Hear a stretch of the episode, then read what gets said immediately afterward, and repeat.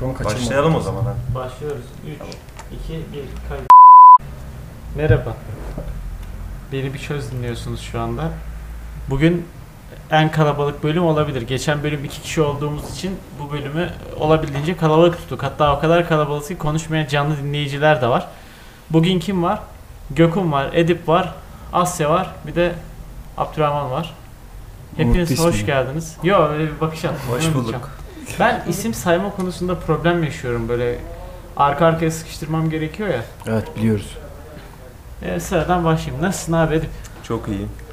Ha? Haftam seninle geçti biraz önce konuştuk. Çok Na- mutluyum. nasıl nasıldı bu hafta peki? Güzeldi. Hı. Hemşirelerle tanıştık. Ders hoca yok ki. Tamam hoca varsa da giremedik. Evet. Bilgisayar hocası bilgisayar dersi var. Hoca geliyor diyor ki bilgisayar dersi var ama bilgisayar yok. He. İletişim fakültesindeymiş bizim şeyler. Hı. Ama iletişim fakültesi de ya zaten üniversitede bir yeri kapatmanın en iyi yolu şeydir. Ne oldu? Sıra gelecek ya. Muhabbeti kitleme orada. Herkes Doğru bir tamam. şey yap ondan kop- sonra. kopup gidiyoruz. Ya bilgisayar yok işte. Tamam yok. Asya ne yaptın bu hafta? Ne yaptım? Sizinleydim. Çok fazla sizin üniversitede. Köyünden Senin de kötü yani. geçmiş. Köyümden döndüm evet. Yo benim güzeldi. Ee, Ben sizi gördüğümden mutlu oldum. teşekkür ediyorum. Zaten e, ilk bölümden beri çok e, aktif bir dinleyicimizsin de. Evet kesinlikle. Hakimsin o yüzden bizim nasıl muhabbeti Ama hemşire muhabbetine hakim değilim. Çok merak ediyorum. biz hemşire kısımlarını hep atıyoruz çünkü. Olsun da. Bak bu üçlü bir- aramızda bir hemşire var işte Edip. Ben daha az ama hemşireyle ilgili. Onun had safhada hemşire konusu. Ben aradayım dengeyi sağlıyorum. Bizim bir komşumuz hatırlıyorum var o hemşire. Hemşire. Tamam bak.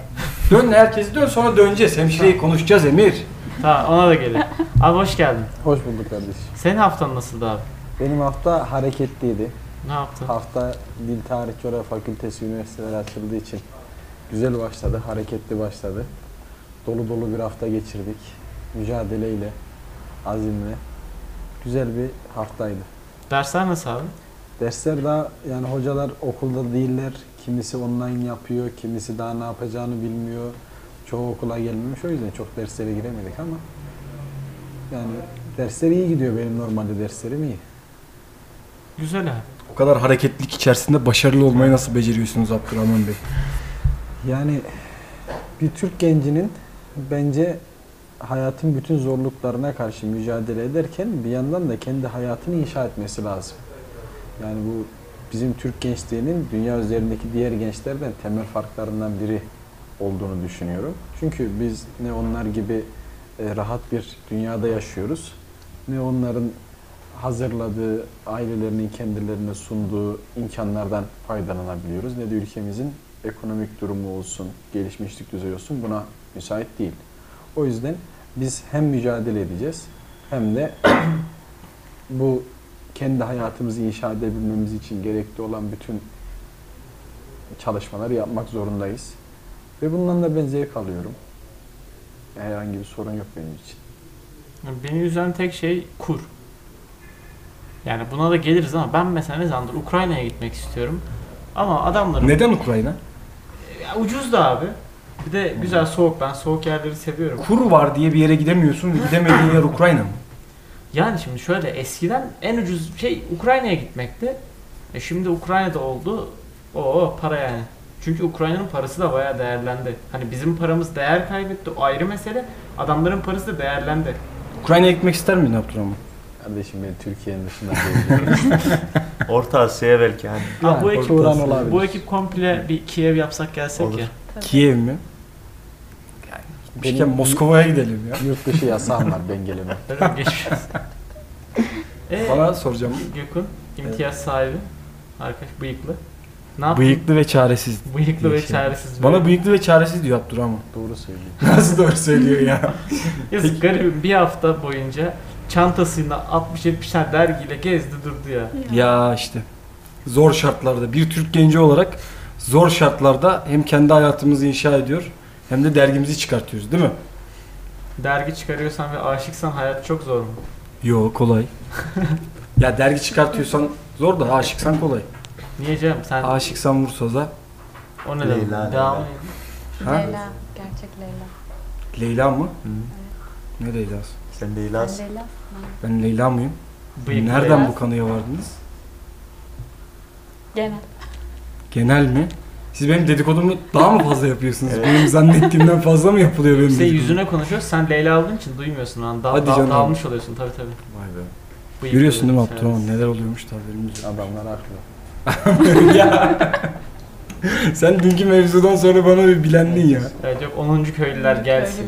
Köylüler. %2'ciler gitsin. Ha. Yalnız Öyle bir şey sana- demedim. Sana Gitsin Leyla diyorlarsa bir de Mecnun bulmuşlardır dikkat et. Oba. Bak bu iyiymiş ha. Mecnun iyi değil. Laf iyi. Ee, su nasıl? Su güzel.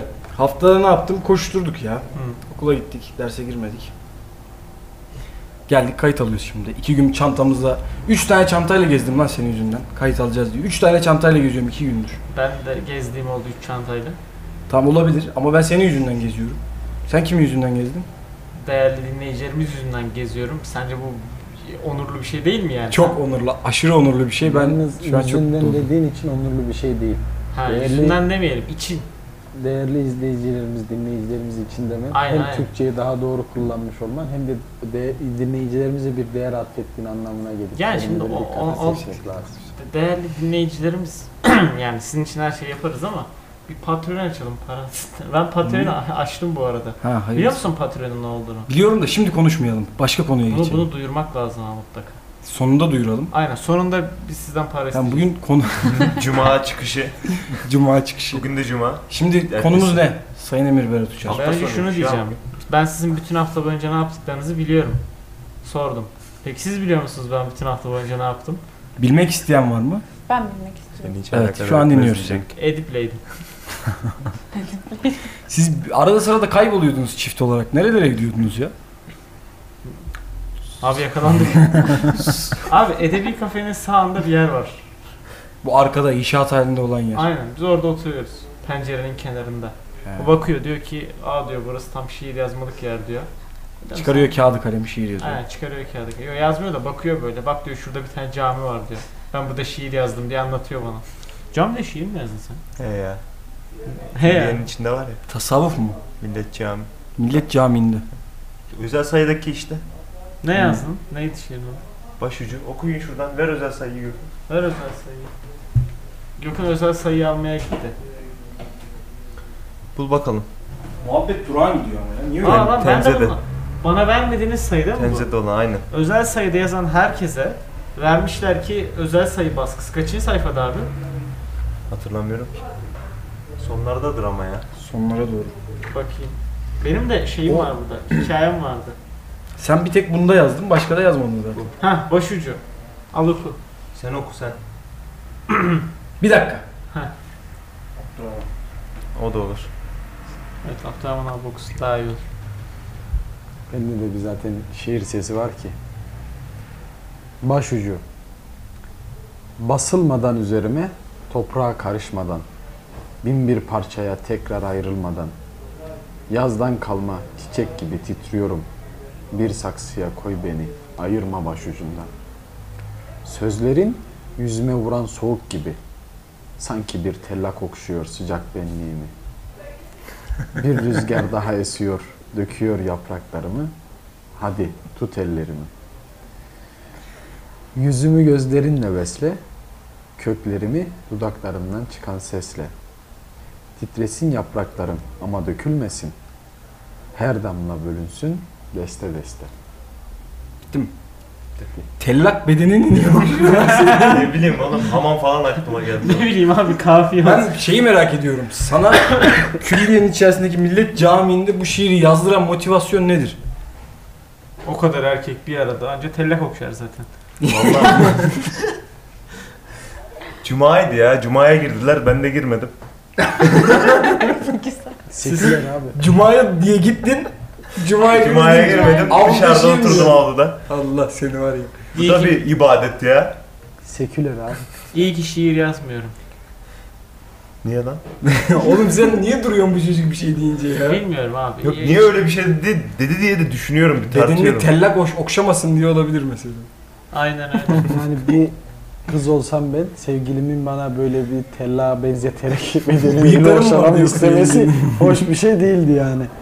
Ben de istemezdim. Yani. Değil mi? Kadın tella ne deniyor? Kadın tella ne deniyor Asya? Natır. Ne? Natır. Natır. Tamam, natır diye düzeltiyoruz onu hemen. Basıldı o artık. Olmaz. Külliyenin içerisinde camiyi geçtik. Külliyenin içerisinde bir şiir yazsaydınız, şiirin tamamını söylemeyin. Yani ya da konusunu da söylemeyin. Ya da konusunu söyleyin.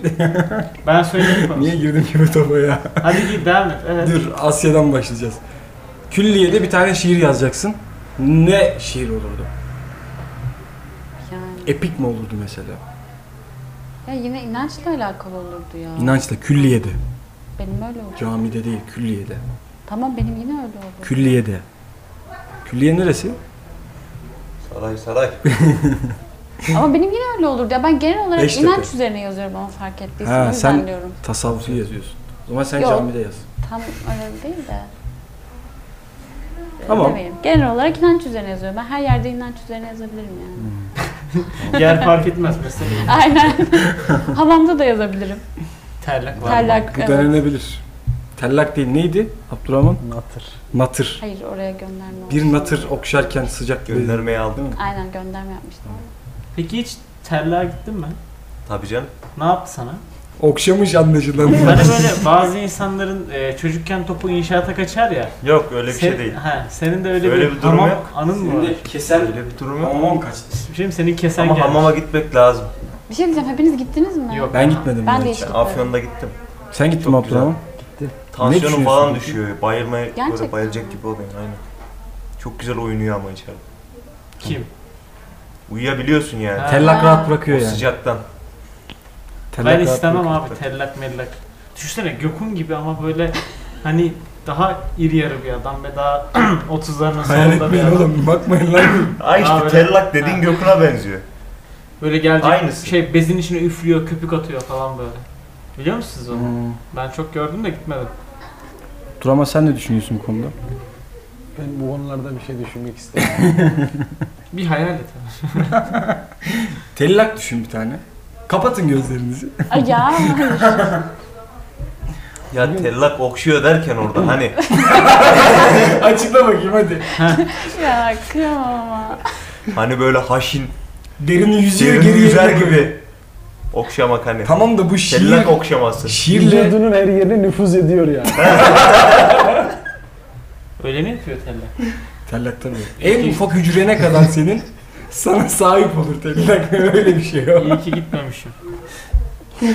Adabı vardır tellaklığın diye başlayalım mı şimdi? Sen bir şey diyordun az önce Abdurrahman. Yani artık insanlar dinleyicileri sıkmadan farklı bir konulara mı geçsek diyorum. Evet çok haklısın. Bence tellaktan gayet eğleniyordur millet de. Özellikle Evet. tellak sevenler. Tellak seven arkadaşımız gülüyor hala. Evet. Evet Abdurrahman Bey. Abdurrahman. Ee, Bey olduk şimdi de. Ya beyi falan geç. Evet abi. He kardeş. Anlat abi. Ne anlatayım? Bana bir masal anlat abi. Bir gün ülkenin başında Abdülhamit diye bir adam varmış. Bu ülke e, George Orwell'ın 1984'ündeki bir ülke gibi bütün olumsuzlukları, bütün hükümetin, yönetimin yanlışlarını aslında e, absorbe eden, haklı gösteren ve insanların daha iyi yaşaması için farklı bir e, düşünce altında etkilenmesini farklı bir düşünceye kapılarak bu düzenin yanlış olduğunu düşünmesini engelleyen bir düzenmiş. Çünkü insanların dini duyguları, çünkü insanların manevi hayatları istismar ediliyormuş. Sonra bir gün bütün bu düzenin içerisinde, bütün bu düzene ve bu yapıya karşı çıkan bir insan ve bana göre bu insan Osmanlı'nın, Türk tarihinin en büyük münevver ve mütefekkirlerinden Namık Kemal çıka gelmiş. Namık Kemal'in yazdıkları, çizdikleri yüksel ki yer bu yer değildir, dünyaya gelmek hüner değildir. Bize gayret yaraşır, merhamet Allah'ındır, hükmü ati ne fakirin ne de şeyhin şahındır dizeleriyle uyutulmuş, sindirilmiş, sömürülmüş bu milleti tekrar bir harekete geçirmiş. Sonunda bu düzen değişmiş ve bu toplumun içerisinden hürriyet, adalet, özgürlük, kardeşlik diyen bir nesil çıkmış. Bu nesil bugün bu devleti kurmuş. Bu bir masal değil. Bu öyle sohbet ortamında Türkiye'nin kısa bir tarihi, kısa bir geçmişi. Ağzına sağlık abi. Şimdi sen e, dedin ki Abdülhamit. Şimdi son zamanlarda özellikle medyanın büyük bir kısmı tarafından gerek işte dizisiyle gerek işte Twitter'daki böyle işte absürt absürt isimlerle e, çok yüceltiliyor mesela. İşte bir dizi yapıyorlar. Hani bilmiyorum tarihtir. Ama bu bir yüceltme çalışması ya şu anda işte. Evet. Mesela sen bu konu hakkında çalışıyorsun. Bu konu hakkında uzmansın. Bir sene muhabbet ettik. Ne Evet. düşünüyorsun bu konu hakkında? Şu an acayip yüceltiliyor mesela. E çünkü kendilerinin bir tabanı yok ve kendilerine bayraklaştırılacak bir isim lazım. Kendilerini meşru bir zemine oturtması lazım bunu yapan insanların. Bunun için de en ideal adam Abdülhamit, ikinci Abdülhamit. Çünkü yani Abdülhamit'in e, onlar nezdindeki saygınlığı daha yeni başlayan bir şey değil. Bu Necis Fazıl Kısakürek'le başlayan bir süreç. Mesela Necis Fazıl e, Osmanlı'ya ihanet eden e, Şerif Hüseyin'in ağzından İngilizce bir mektup yazıyor. Ve mektubun başlangıcında diyor ki Halife Hazretlerine işte bizim aramızı iddiatçılar bozdu. Her şey iddiatçı gavurlarının yüzünden çıktı vesaire kabilinden bir mektup kabaca. Şimdi bunu niye örnek verdim? Bu Abdülhamit'i övmek için Necis Fazıl'ın uydurduğu yalanlardan sadece bir tanesi. Çünkü Şerif Hüseyin zaten İngilizce bilmeyen bir adam. Ve mektubun başlangıcındaki ilk ifade Halife Hazretlerine. Yani Şerif Hüseyin'in isyan etmesi sebebi zaten halifelik iddiasında bulunması. Ben halife olacağım diyor ve Osmanlı saltanatındaki Osmanlı hanedanının hilafetini tanımıyor. Yani hem bu hilafeti tanımayıp hem de halife diye mektuba başlaması ve Abdülhamit'ten pişmanlık yazması, mektup yazması vesaire İngilizce bilmeyen birinin Abdülhamit'i övmek için uydurulan yalanlardan sadece bir tanesi. Mesela bir başkası e, neymiş? Bismarck. Demiş ki dünyadaki aklın %98 gramı Abdülhamit'te, %1'i bende, %1'i diğer siyasilerde demiş. Şimdi bakıyoruz Abdülhamit'in siyasetine.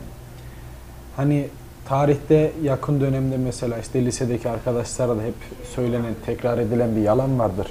Joseph Goebbels'in taktiğini çok güzel uygularlar. Bir şey yalan dahi olsa sürekli tekrar edip mutlaka inananlar çıkacaktır der Goebbels. Bizim işte lise tarihinde, tarih kitaplarında yazan en büyük yalanlardan biri neymiş? Osmanlı e, savaşta sahada kazanır ama masada kaybedermiş. Mesela siyasi deha diye bugün kakalanmaya çalışan Abdülhamit 1897 Osmanlı-Yunan Savaşı'nda Yunanistan'ı yeniyoruz. Atina'ya girmek üzereyiz. Ethem Paşa'nın komutasında perişan etmişiz Yunanistan'ı. Ama Abdülhamit kazandığımız savaşı Yunanistan'a daha fazla toprak vererek, Girit'in işgaline sesini çıkarmayarak, Girit'i kaybederek ve yendiğimiz Yunanistan'a savaş tazminatı ödeyerek savaşı sonlandırıyor. Ve bu adama siyasi deha diyorlar. O yüzden de bu da mesela Niciz Fazıl'ın uydurduğu yalanlardan bir tanesidir. Siyasi deha diyenlerin bu olaydaki savunması ne Ab- Abdurrahman? Onların savunmaları şu, e, Abdülhamit muhteşem bir siyaset gütmüş onlara göre ve devleti 33 yıl ayakta tutmuş. Şimdi devleti ayakta tutmaktan kastıları eğer hani devletin varlığını devam ettirmekse yani Abdülhamit o koltukta oturmasaydı, boş bir koltuk olsaydı e, zaten aynı şekilde gidecekti. Niye bunu böyle söyleyebiliyorum? Çünkü Abdülhamit tahta 1876 senesinde çıkıyor. 1878'in e, başlarında pardon 77'nin başlarında Mithat Paşa'yı zaten e, 1877-78 Osmanlı Rus Savaşı 93 Harbi diye geçer. Bu savaş daha başlamadan bir ay önce Mithat Paşa'yı görevden alıyor. Ve e, bugün bizdeki çoğu tarihi anlatımlarda dikkat edilmez bu ince ayrıntıya. Savaşı bizi Mithat Paşa soktu diye anlatılır. Mithat Paşa o zaman görevde bile değil. Taif'te zindanda. Ee, Abdülhamit'i övebilmek adına işte tutuyorlar siyasi deha diye anlatıyorlar. Bunun da temelini devlet 33 yıl ayakta tutmasına dayandırıyorlar. Atsız da öyle anlatıyor. Ama devlet, Atsız öyle anlatmıyor. devlet Mesela- kendini de tutar dayakla. Çünkü mesela Evet, Roma evet, Roma evet. bir günde kurulmadı ya. E bir günde de yıkılmadı Aynen arkadaş. öyle. Osmanlı da Ee, bir günde kurulmadı ki. Aynen öyle. Söylediğin şeye tam katılmıyorum. Şöyle Kısmen katılıyorum. Açıklayayım. Tamam. Ee, çünkü Abdülhamit'in siyasi deha olması için gerçekten devleti ayakta tutmuş olması lazım. 1878 senesinde Tunus'u tek kurşun atmadan Fransızlara terk ediyor. 1878 senesinde Kıbrıs'ı 92.700 küsur şehit vererek aldığımız Kıbrıs'ı 92.000 sterlin İngilizlere satıyor. Kars, Ardahan, Batum, Iğdır civarı dolayları Ruslar tarafından işgal ediliyor. 33 sene 93 Harbi'nde ölen Rus askerleri için Ayastefanos'ta şimdiki Yeşilköy denilen bölgedeki Rus ölüleri için dikilmiş anıtın altında oturuyor. Mısır'ı İngilizlere veriyor. Kuveyt'i İngilizlere veriyor. Mısır'ın işgal tarihi 1881. Kuveyt'in işgal tarihi 1901. Ve perişan halde bir devlet. Devleti bu şekilde mi ayakta tutmuş siyasi deha. O yüzden temeli de boş. Ben şöyle düşünüyorum. Şimdi mesela Türkiye Cumhuriyeti'nin elinde ve işte Cumhuriyetini, ülkesini sevenlerin elinde çok güzel bir e, kahraman var. Mustafa Kemal Atatürk. E Evet. Şimdi bu Atatürk'ü sevmeyenler onun karşısına koyabilecek bir isim bulamıyorlar. Evet. Ve en yakınını bulup yüceltmeye çalışıyorlar. Bu yüzden de Abdülhamit ortaya çıkıyor. Ha ben sanmıyorum ki Abdülhamit vatan hainidir, şöyledir, böyledir. Yani sonuçta adamın e, şeyi babasından kalmış. Adam padişah. E, Yani elinden gelse yine iyi bir şeyler yapmak isterdi. Hani şimdi çok diyorlar işte Vahdettin'e de ajan diyorlar, şöyle diyorlar, böyle diyorlar. Ben sanmıyorum ki Osmanlı hanedanından birinin hain olacağını. Bence olur ya. Ama başarısız ya. Yok, abi babasının malı Olabilir. yani. Hani o zaman Babasına ihtilal yapan ya da yapmaya çalışan şehzadeler hain değil mi şimdi? Tamam o ayrı ama o da kendini alıyor anladın mı? Hani şey yapmak istemiyor. Hani şerefsizi ne yapmıyor? Hani e, şimdi Şerefsizliğine burada kriter ne? Ee, onu bir söyle. Ondan sonra ben de bir şey söyleyeceğim. ya şöyle bir şey. Osmanlı'da e, oralar halkın değil tamam mı yani? Padişahın malı. Aliye Osmaniye'nin değil mi? Ha, tabii tabii. Osmanlı hanedanının. O yüzden e, ben şunu diyorum. Adamın zaten kendi malı kendine kalacak. Hani şimdi biz torunlarımıza bırakıyoruz ya. Hani biz emanet almışız. Bütün her yer bize bir emanet. Biz çoluğumuzu çocuğumuzu bırakalım diyor. O zaman da geçmişten kalıyor sana. O başka bir şey. Ya o şehzadelerin eee iktidar hırsları falan o hainliğe girmez dediğin gibi katılıyorum. Ama tabi bunlar biraz da göreceli kalıyor. Tarih ne kadar tarafsız incelenmesi gereken, tarafsız e, okunulması gereken bir unsur olsa da görüş neticede ister istemez taraflı olabiliyor. Abdurrahman ben sana şeyi soracağım. Dedin ya e, Abdülhamit'le ilgili 33 sene iktidarda kaldı, 33 sene ayakta tuttu falan diyorlar diye. Bildiğim kadarıyla başka bir şey yani yanlış da biliyor olabilirim, eksik de biliyor olabilirim. Türkiye'de ya da Anadolu coğrafyasında Türk istihbaratını düzenli ve sistemli bir şekilde yapmaya başlayan Abdülhamit Reis. bunu da kendi iktidarını korumak için yapıyor. Değil yani Abdülhamit'in istihbari tek faaliyeti yani daha doğrusu yani Abdülhamit'in e, yararlarını sormuştu ya bu adamın hiç mi yararı yok diye sormuştu bizim arkadaş. Biz yine böyle bir sohbet ederken dedim ki yani Abdülhamit bir devlet nasıl yönetilemez bunu gösterdiği için yararlı bir şey yapmıştır dedi. Yani nasıl yani dedi, hiç mi yararlı bir şey yok? Dedim ki yararlı bir şey var. Evet Anadolu'nun her yerine, devletin her yerine telgraf telleri döşetiyor. Bu telgraf tellerini neden döşetiyor? Kendi jurnalcileri kendisine jurnal versin. Bu jurnalleri de yani şey düşünmeyin. eee, çok böyle istihbari faaliyet yürüten derin bir yapılanma falan diye düşünmeyin. Adam alenen kendini jurnalliyor. Diyor ki bana bu görevi vermezsen bu benim bir rakibi ikisi arasında bir rekabet var. Ona bir taltif vermiş Abdülhamit. Bana diyor bunun üstüne bir taltif vermezsen sana isyan ederim diyor. Adam kendini jurnalliyor. Ve o kadar ahlaksız, o kadar bel altı, o kadar pislik jurnaller bile geliyor ki iddiatçılar bu jurnalleri artık hani ortaya çıkması devletin itibarına zarar vereceği için bu jurnallerin çoğunu yakıyorlar. Bunu da tarihçiler alıyor. Bu kendi ideolojilerine tarih uydurmak isteyenler İddiatçılar e, kendilerinin aleyhinde bulunan işte yurt dışındaki yabancı devletlerle olan ilişkilerini ortaya çıkaran jurnalleri yaktılar diyerek lanse ediyorlar. Yani Abdülhamit'in yararı o telgraf telleri olmuş. Telgraf tellerinin de yararını Cihan Harbi'nde iletişim pardon iletişimin daha iyi kurulabilmesi için kullanılmış. Bu konuda bir yararı olmuş. Ben yaptığı mantıklı bir şey daha biliyorum. Bir tane saray var e, Boğaz'da. Abdülhamit'ten önceki padişahın kaldığı saray. Neydi Yıldız onun? Sarayı. Yıldız'ı o kendi yaptırdı işte. O yüzden Yıldız'ı yaptı. Abdül, Abdülaziz yaptırıyor. Amcası yaptırıyor. Ben şöyle biliyorum. e, şimdi Boğaz'ın kenarında bir saray var. Şimdi düğün falan yapmak için kullanıyorlar. Ne oranın adı? Dolmabahçe geldi benim aklıma. Yok yok. Boğaz'da direkt. Topkapı. Çırağan Çırağan ha. Şimdi Çırağan Boğaz'a sıfır tamam mı? Ee, bir padişahı e, kaç 5. Mehmet herhalde ya hatırlamıyorum ama Abisi Bildiğin- 5. Murat. ha 5. Murat evet 5. Murat birazcık akli sorunları olduğu söyleniyor. 5. Murat'ı bayağı donanma çıkartma yapıyor saraya. Denize sıfır zaten indiriyorlar baştan. Abdülhamit de diyor ki ben Çırağan'da kalamam. Çırağan darbe yapmak için mükemmel bir yer diyor. Gidiyor Yıldız Sarayı'nda takılıyor mesela. Bu akıllıca bir şey. Yani Bu kendi Darbeyi yapanlar e, 1876'da meşrutiyeti ilan ettirenler. O o zaman da başta abisi 5. Murat yok. 93. Sultan Abdülaziz var. Abdülaziz babaları. Abdülaziz'e amcalar, Amcalarım. amcaları. Zaten Abdülhamit'in istihbaratı da daha çok kendi saltanatını korumak üzere kurulmuş bir istihbarat. Yıldız İstihbarat Teşkilatı adını da Yıldız Sarayı'nın içerisinde faaliyet yürüttüğü için alıyor. Yıldız Sarayı'nda kim var? Abisi 5. Murat var. Amcası de senin de ifade ettiğin gibi bir donanmanın baskınıyla e, tahttan indirilince abisi de yine aynı şekilde e, tahttan indirilip yerine Abdülhamit şartname ile tahta çıkarılınca ve üzerine Ali Suavi'nin de meşhur işte baskını olup abisi 5. Murad'ı tekrar tahta çıkartmak için bir girişim olunca Abdülhamit taht, saltanatını, tahtını kaybetmemek için bir istihbarat örgütü kuruyor. Bu örgütün de tek yaptığı iş abisini takip etmek, abisiyle iletişim kuranların bağlantılarını takip etmek. Mesela Abdülhamit'in e, Mabeyn katiplerinden Müştak İsmail Bey'in Yıldız'da neler gördüm hatıratında diyor ki mesela Bosna'da isyan çıkmış. Yemen'de diyor isyan çıkmış. Abdülhamit'in hiç önemli değildi. Abdülhamit'in diyor tek umurunda olan şey kendi saltanatıydı. Abdülhamit'in hayatını tarif ederken diyor ki ben bugüne kadar hayatı Abdülhamit kadar seven bir insanı daha görmedim. Hayata dört elle sarılıydı.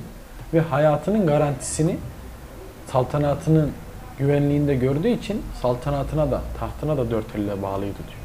Mesela diyor abisinin odasının önünden biri geçerken biri ayağını iki kere yere vurmuş olsun. Bu diyor Abdülhamit'in sabaha kadar uyumamasına sebep olurdu.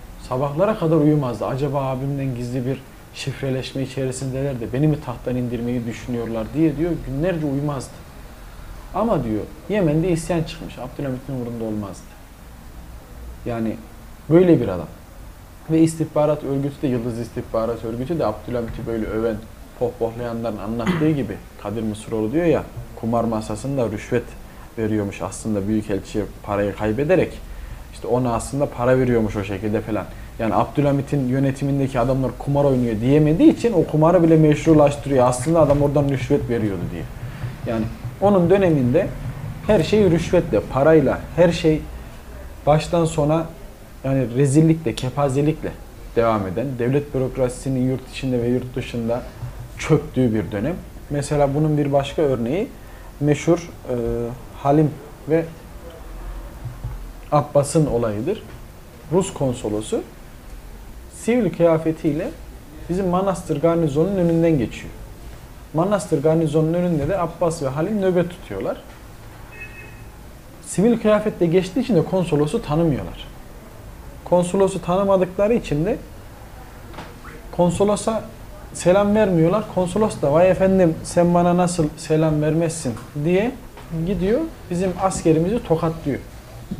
Mehmetçik de bunu gururuna yediremiyor yani sivil bir adam. Vuruyor öldürüyor değil mi? Tabi.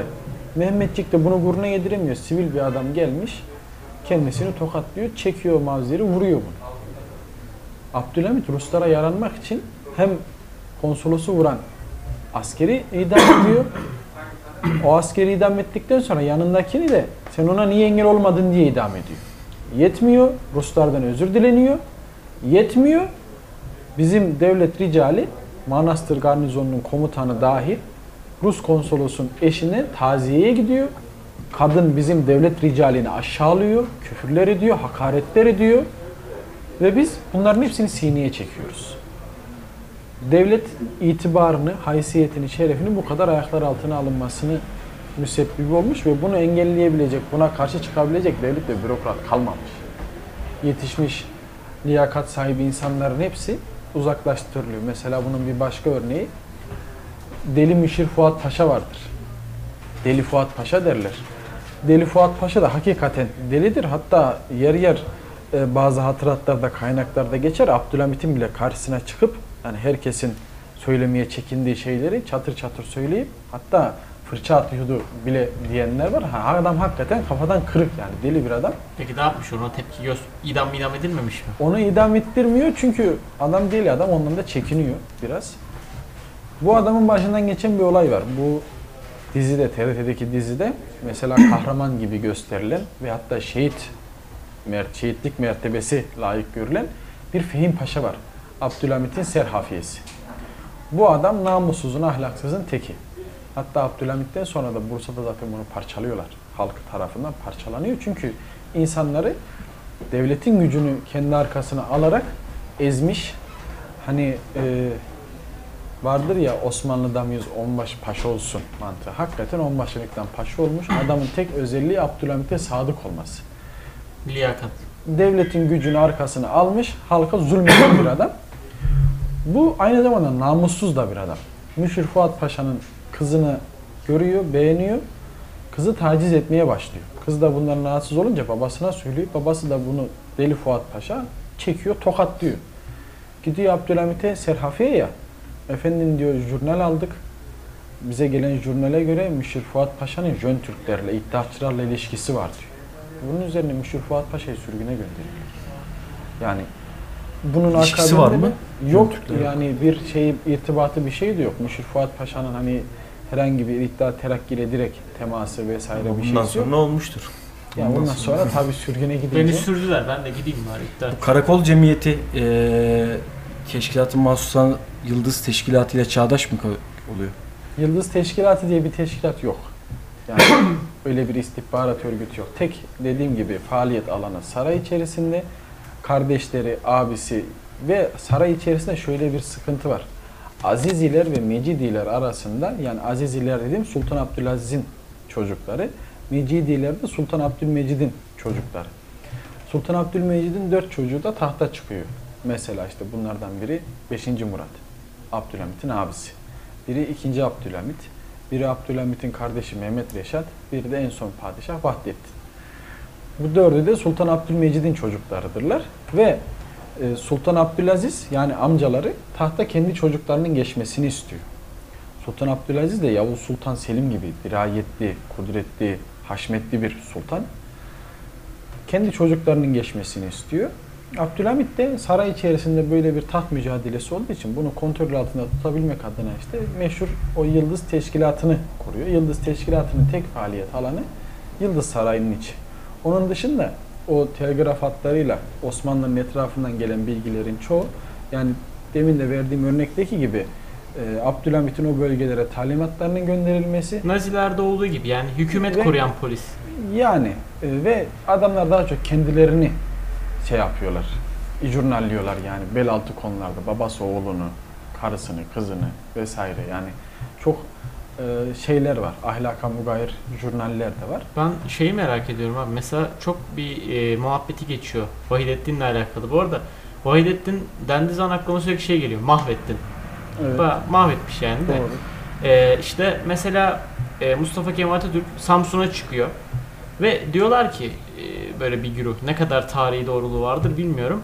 Vahidettin demiş ki Mustafa Kemal Paşa'ya sen git ayaklanma başlat işte isyan çıkar demiş. Hatta işte sarayındaki altınlarını mı satmış bir şey yapmış hatta dalga geçmek için şey 40 diyorlar. bin altın vermiş. Ee, Vahidettin ejderhalarını sattı sarayda falan diye milli mücadele için. Var mı öyle bir şey? Ya bunların hiçbir aslı astarı yok. Madem milli mücadeleyi başlatmasını ve Osmanlı'yı kurtarmasını istiyor, niye Gazi Paşa'nın idam emrini çıkartıyor? Tabii ya Samsun'dan İstanbul'a boynunda idam fermanıyla gelmiş bir Yani kişi yani. e, madem kendisi bunu destekliyor, niye İngilizlerin talimatıyla Kuvayi İnzibati'yi kurduruyor?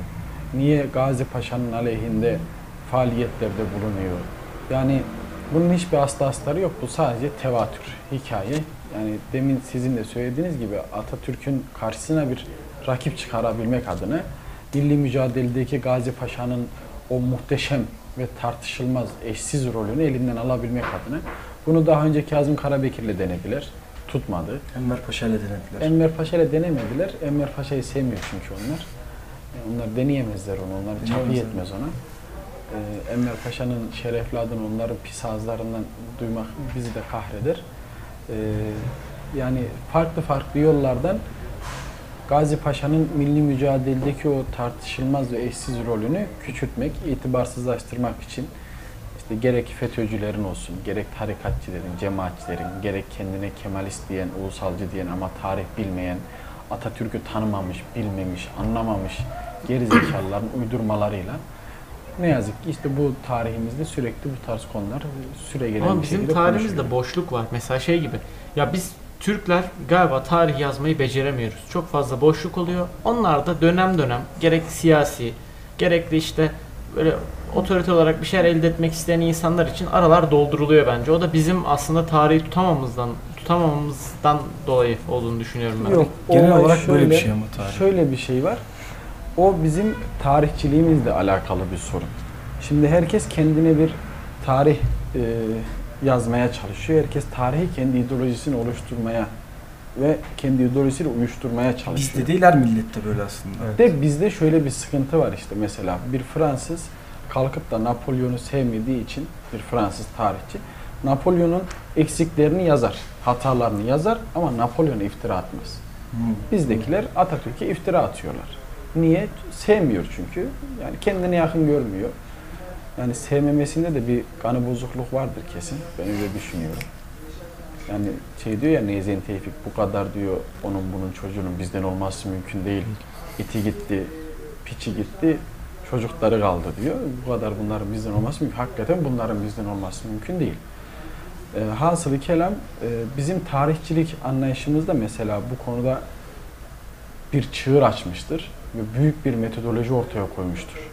Hüseyin Nihalatsız tarihi bir bütün olarak ele alıp Türk milletinin tarihini Türk milletinin gözünden yazmaya çalışmıştır.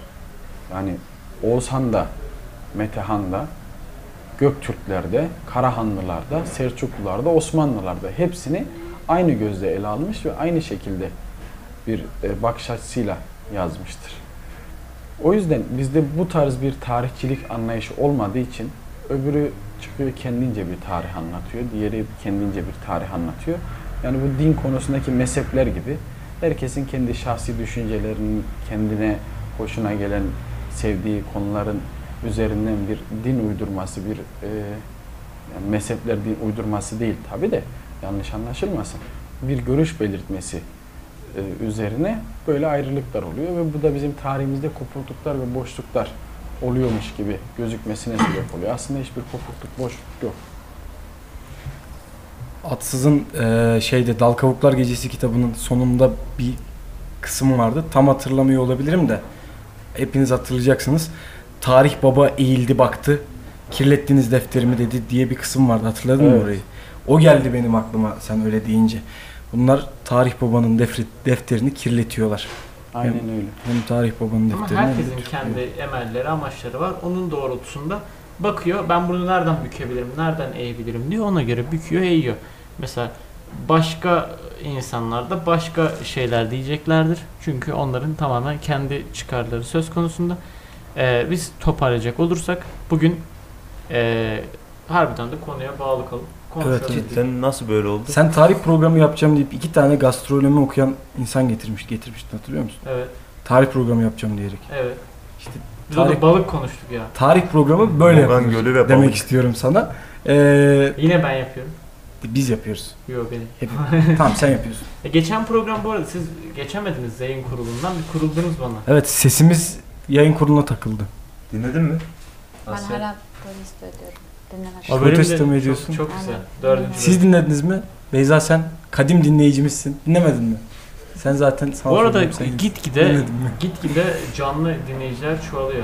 Evet evet yakında böyle daha köşeye gelip akşam üzeri baya baya dinleyicili falan yapacağız Bet gibi satalım. geliyor.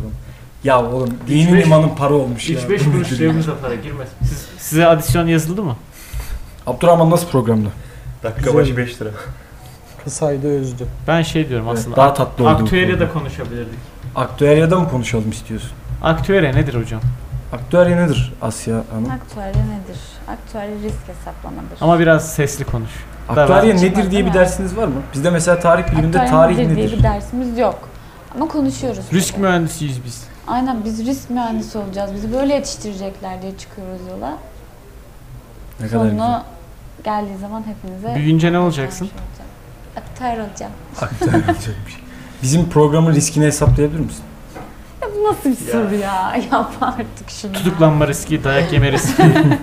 Evet bunlar... Toparla kapatalım program başlayacak diğer program. Bizim başka iş- işlerimiz var biz gidiyoruz. Evet gideceğiz. Tamam gidin. Selam. Evet herkese. Like atın. Like. Şey şey şeyi edin. Neyi Patron. diyorum? Ha. Abi bizim patronumuz olabiliyorsunuz bundan sonra. Biz Patreon açtık. Biliyorsunuz biz Spotify'dan 5 kuruş para kazanmadığımız gibi bir de buraya gelirken dolmuşa falan biniyoruz. yani e, hep emek pil falan alıyoruz. O şey yaparsanız eğer bize işte biz gerekli Twitter'lardan sağdan soldan duyuracağız. Böyle 1 dolardan 1000 dolara kadar belli bir para verirseniz biz size kestiğimiz yerleri de atarız. Tutuklanmayacağımız kadar olan kısmı. Az önce şey diyordun. Ee, ne dediğini unuttum lan. Ha kur diyordun kur. Kur çok yüksek. Evet. İşte 1 dolar. Çok dolar olursa bu ekip Ukrayna. Ukrayna'da yayın Yani yaparız. Ukrayna'sı. Hala Ukrayna diyor ya. Bunun niyeti başka bence. Gezeceğiz geleceğiz ya. Çok güzel müzeler var şeyimiz var. Neyse biz toparlayalım. Tamam. Patreon bilgilerini paylaşırız. Bize para atanlarla da simit de yiyebiliriz. Çok para Simit atarlar. yiyebiliriz. Tanışırız. Yok para vermezse de tanışırız. Canınız sağ olsun da. Mail atın bize. Mail at geldi bir tane mail. Bir Gördüm tane, bir tane mail var o sonraki programa kaldı artık. Tamam ona bakarız. Ee, o zaman sırayla son sözleri alalım. Abdurrahman hocam. Dinleyicilerimizin hepsine teşekkür ediyorum. Sağ olsunlar, var olsunlar. Asya Hanım. Takip etsinler, dinlesinler, dergilere baksınlar arkadaşlar. Dergileri okuyun. Dergiler Dergi en güzel. önemlisi. Aynen. Edip Bey. Dinleyenlere çok teşekkür ediyorum. Gökhan sen. Hepinizi öpüyorum. Öp. Gökhan sen. Ee, kulaklarınıza sağlık. Bir dahaki bölümleri bekleyin. Evet, arabanızda dinliyorsanız iyi sürüşler, uyuyorsanız iyi geceler ya da işte ne yapıyorsanız sağ olasınız arkadaşlar. Görüşürüz. Hepinizi öpüyoruz hepimiz. Çıkıyorum dur. Beni Allah'a